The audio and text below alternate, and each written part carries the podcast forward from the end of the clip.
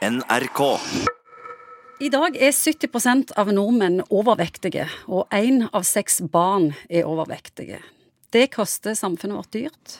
Fedme koster landet vårt så mye som 68 milliarder kroner hvert år. Så jeg tenker det er betimelig å ta med et spørsmål fra ei som heter Linn. Hun skriver enten vi er triste eller glade, så bruker vi mat som en slags premie. Mange bruker mat for enten å trøste seg eller feire.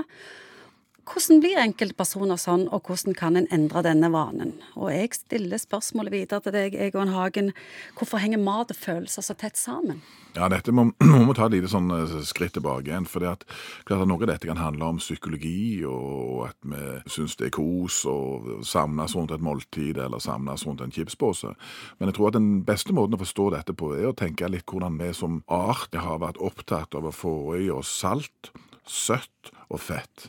Og det har vært ting som har vært knytta til overlevelse. Og vi er lagd sånn faktisk fra naturens side. Det er faktisk sånn at når du spiser dette, så skilles det ut noen transmittorer i hjernen din som øker sannsynligheten for at du spiser dette igjen.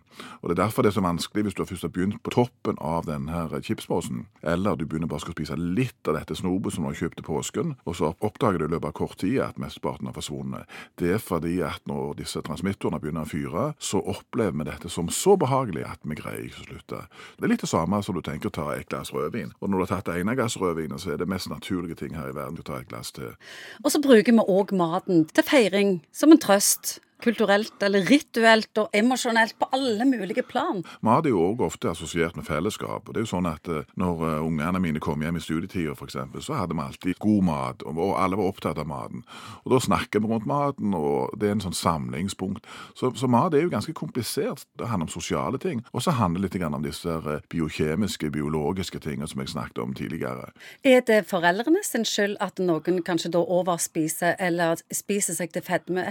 Altså, foreldre Foreldre bruker jo mat som straff. Legger deg uten kvelds. Og hvis du har vært flink, så får du en is.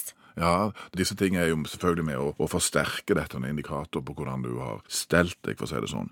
Eh, men, men det, som er, det, som er, litt problematisk, hvis vi skal liksom, gå litt i fugleperspektiv i forhold til dette, det er at de tingene som tidligere var enormt viktige for oss, nemlig å sikre salt, søt og fett, det er ikke som vi drar med oss en litt sånn u oppdatert programvare i hjernen tror at vi trenger dette fortsatt, når egentlig det å håndtere dette og si nei til dette er en viktig sånn livsstilsindikator på at du greier å holde deg tynn.